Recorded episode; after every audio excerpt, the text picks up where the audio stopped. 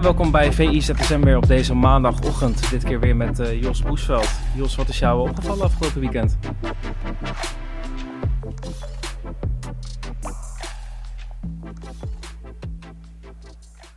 Ja, dat waren acht seconden.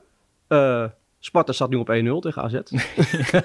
Vito van Krooi. Vito van Krooi, ja. ja wat uh, bijzonder toch weer. Hè? Ik, vind dat, ik vind dat altijd lekker, zulke oude records. Voor mij was het 1982 dat, uh, dat er voor het laatst zo snel werd gescoord. Acht seconden dus. Koos Waslander. Koos Waslander, ja, goede naam. Het, het jammer is, het is al in zo'n tijd dat er niet altijd een camera bij was bij een wedstrijd. Zelfs niet in de eredivisie.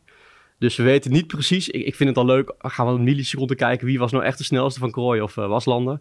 Ja, dat weten we dus niet. Er zijn geen beelden van. Er zijn geen beelden van, dus ja, uh, we moeten gokken. Maar ja, ik vond het een heerlijke opening. Uh, uiteindelijk AZ natuurlijk wel gewonnen, maar uh, ja, Van Krooi. Het, het, kan nog sneller hè, als je kijkt naar wat er gebeurde, want er werd een bal teruggespeeld en daar nog een keer gespeeld. Van Krooi speelde de keeper uit. Als je met één keer naar voren, ja, maar ja, dan dus, moet ook daar komen ja, natuurlijk. Ik, maar dus, ik, ja, dus, dat is waar. Maar ik heb hoop dat, dat ooit nog die die zes seconden gehaald gaat worden bijvoorbeeld. Ja, de snelste doelpunt te maken in de Champions League is Roy Mackay, toch? Ja, Nog steeds? zeker. Ja, ja, tegen Real Madrid toen. Hè? Tegen Real Madrid toen, ja. ja. Ook een bijzonder goaltje. En was een hele leuke wedstrijd, Sparta AZ natuurlijk. Ik heb veel wel, leuke wedstrijden gezien eigenlijk afgelopen weekend. Hartstikke hè? veel, ja, ja, ja. Ik denk uh, misschien wel het interessantste. Moeten we toch naar Engeland gaan met Den Haag. Zullen we dat nog heel even vasthouden? Oké, okay, is goed. Blijven we even in Nederland nog. Ja, is goed. Ajax gezien, PSV gezien, Feyenoord gezien natuurlijk. Ja. Um, ik was er zaterdag in Feyenoord. Echt de, de, de mussen vielen dood van het dak. Het schijnt dat het gisteren in de arena nog erger was bij Ajax. We zullen met Ajax beginnen. Voetbalshow neergezet. Ik in de snelkookpan. In de snelkookpan. Daar zat ik toevallig en het was heel erg warm. Ja, jij zat er. Ja, ze hadden het, uh, ze hadden het dak dicht gedaan om de zonnestralen tegen te houden. Maar dat, um, ja, ik weet niet of het geholpen had. Ik denk dat met open dak waarschijnlijk ook bloedheet was geweest. En dan komt er ook nog eens Samba voetbal uit Brazilië uh, om het nog even warmer te maken. Want het was wel een, uh, een showtje. Van Anthony. Van Anthony, maar ook van Bergwijn. Het is echt die flanken van Ajax, dat is gewoon voor de eredivisie standaarden. Pff, is dat zo hoog. Dat is echt bizar. En je ziet dat ze een klik hebben, weet je. Die glimlach is terug. En ik, ik zou... Uh, Ajax moet gaan kijken waar uh, Anthony zijn, uh, zijn vakantie heeft gevierd. Want daar moeten ze maar op trainingskamp gaan. Want hij is echt teruggekomen als... hij is herboren. Ik denk dat hij wel een beetje rendeert in deze temperatuur ook. Zou dat ja, zijn? dat zou misschien kunnen. Dan. Maar hij was ook al op het strand natuurlijk in Bloemendaal. Ik weet niet of je die beelden hebt gezien. Nee. Was ja, natuurlijk Braziliaanse temperaturen. Dus gaat hij naar de playa. Gaat hij naar het strand. Was hij in Bloemendaal. Ging hij met wat, wat fans ging hij voetballen.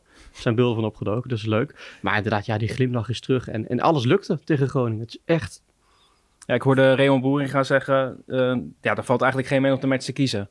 Hmm. Van al die aanvallers. Nee, zeker niet. Nee, want ook Bobby was ontzettend goed. Dat zei Rayon inderdaad ook. Van, uh, dat is zo'n belangrijk aanspeelpunt. En dat is zo belangrijk voor het spel van Ajax. Dat je iemand hebt die de bal kan vasthouden of kaatsen. En dan kan opeens dat hele middenveld eroverheen denderen. Of de, kunnen de, de flank, flankspelers kunnen naar binnen trekken. Dus ja, dat is ook zo belangrijk. Dus alle drie de aanvallers in Tadic was ook goed. Maar minder dan de, de drie voorin, vond ik persoonlijk. Maar ja, heerlijke wedstrijd. Absoluut. Ja. Op zondag hebben we ook de terugkeer van uh, Jasper Sille gezien bij NEC ja. natuurlijk. Ja. Die moest wel snel uh, gaan vissen eigenlijk. Ja, al, snel vissen. En dat je denkt van, oh, ik, ik vond hem er niet goed uitzien. Ik vind het altijd gevaarlijk om over keepers te praten. Uh, ik ben zelf nooit keeper geweest vroeger. En ik heb wel op elke andere positie gestaan. Dus daar kan ik wel iets over zeggen. Keepers vind ik toch altijd weer een ander verhaal. Maar je kon wel zien, hij, hij stapte naar voren. Deed een paar passen naar voren. En ja, met een aanname is hij dan opeens weg.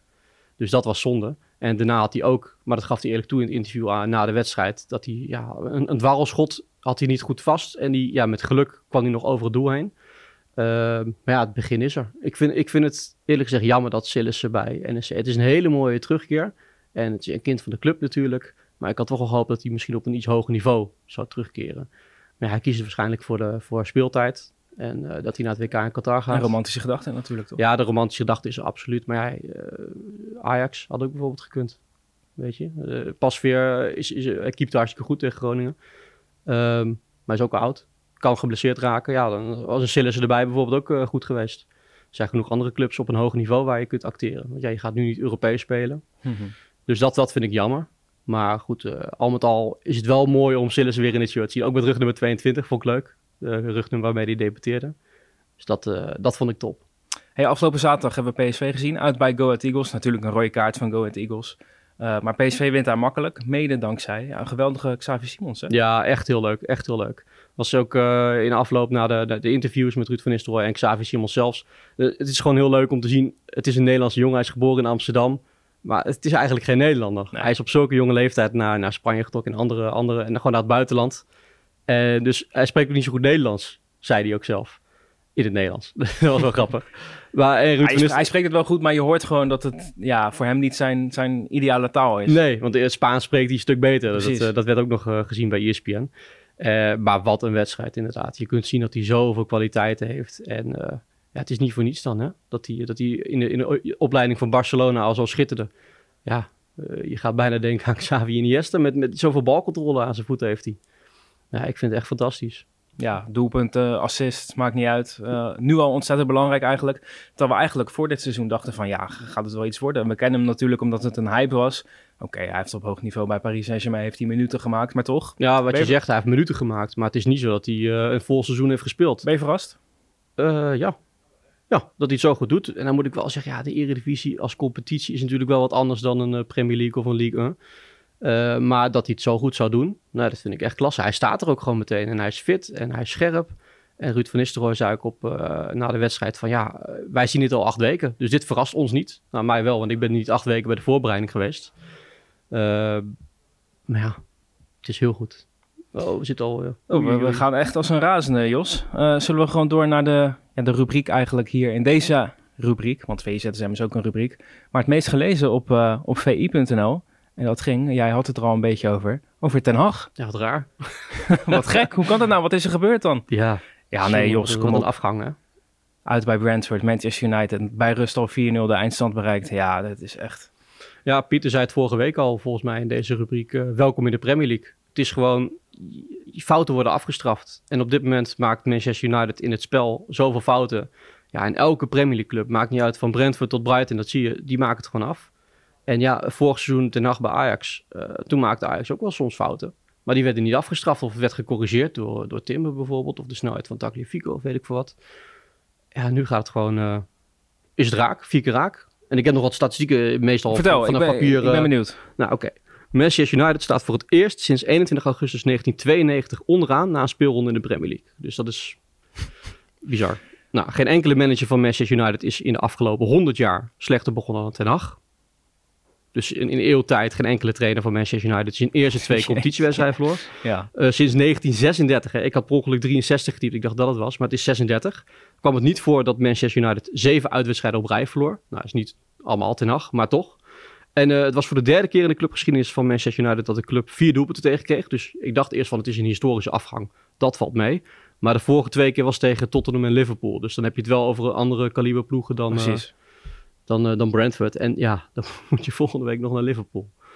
Dat, uh, met, uh, met, poep in de broek, denk ik. Ja, ik hou mijn hart vast. Dat, oh, Darwin Nunez. Als Liverpool er zin in heeft, Jos, dan, dan gaat het echt een afgang worden voor Manchester United. Ja, daar kunnen we denk ik weer een meest gelezen bericht van Ten Hag bespreken, denk ik.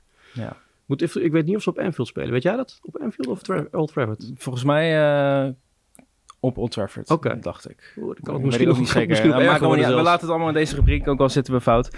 Uh, het was wel de beste week ooit op vi.nl. Weet jij hoeveel pageviews we hebben gehad vorige week? Doe een gokje. Uh, nou, omdat ik het al weet, zeg ik 17 miljoen en dan lijkt het alsof ik er dichtbij zat. 18 miljoen 153.181. Ja, dat is goed. Hè? Dat is het hoogste sinds we het kunnen meten. Hè? En we kunnen het meten sinds deze week? nou, wel iets langer denk ik, maar dit is wel een waanzinnig aantal natuurlijk. Ja, we hebben denk ik geluk met, met alles wat er speelt. Ik bedoel, Frenkie de Jong is natuurlijk een gigantische hype. Eh, de terugkeer van de eredivisie is leuk. Iedereen heeft natuurlijk weer zien. Uh, Feyenoord heeft heel veel leuke spelers hier gekocht. PSV, Ajax. Daar willen mensen lezen. Ja, en dan heb je ook nog Ten Hag die aan het stuntelen is in, in Engeland. Ja, dat is voor ons... Uh, ja, de ene dood is de ander zijn brood, laten we het zo maar zeggen. Weet jij ook al wat het meest gelezen was op VI Pro? Nee. Dat is dat de Eredivisie in paniek is vanwege de transfermarkt. Ja. Die een dag eerder dicht gaat in Nederland. Ja, we kunnen het niet heel erg lang over hebben nu, maar okay. dat is al een lachetje natuurlijk. Hè? Ja, dat kan toch niet? Nee, ik zat op de redactie toen we erachter kwamen. We waren aan het kijken van, huh, uh, is, is hij nou een dag eerder? Dan komen we misschien in de problemen. Nou, dan dachten we van, gaan met de KNVB bellen. Nou, dan hebben we sinds, sinds dit jaar hebben we een nieuwe collega Fabian uh, van der Pol. Die heeft het allemaal uitgezocht. En we hebben meteen even wat clubs gevraagd. Ga door. nee, nee, ik ben nu klaar. Ik, nee, we hebben, we hebben wat clubs gevraagd. En eh, ja, er is inderdaad paniek. En ik ben heel benieuwd of het op te lossen valt. Ze, ze, zeggen dat ze ermee bezig gaan, maar de FIFA werkt meestal niet mee met zulke dingen. Dus dat is even afwachten. Ja, het zal, zal je maar gebeuren dat je op 1 augustus nog een, of 1 september een speler kwijtraakt. Die, waar je niks meer van terug kunt kopen. Te bizar voor woorden eigenlijk. Jos, wat gaan we vandaag doen allemaal? Uh, werken. Overval ik je een beetje? nee, nee, nee. nee. Ik, ik, ik ga me bezighouden met de cijfers in het blad. Die doen we natuurlijk. En Spelen van de Week. Kan ik al uh, verklappen dat het een Speler van Ajax is. Maar dat is straks uh, om 10 uur op VE Pro te lezen. Nou, echt een cliffhanger. Ja. Zeker, Jos. Dank zeggen we dan. Tot, uh, tot ZSM, toch? Ja, volgende week ben ik er weer. Oh, je bent er volgende week weer? Zeker. Nou, morgen iemand anders.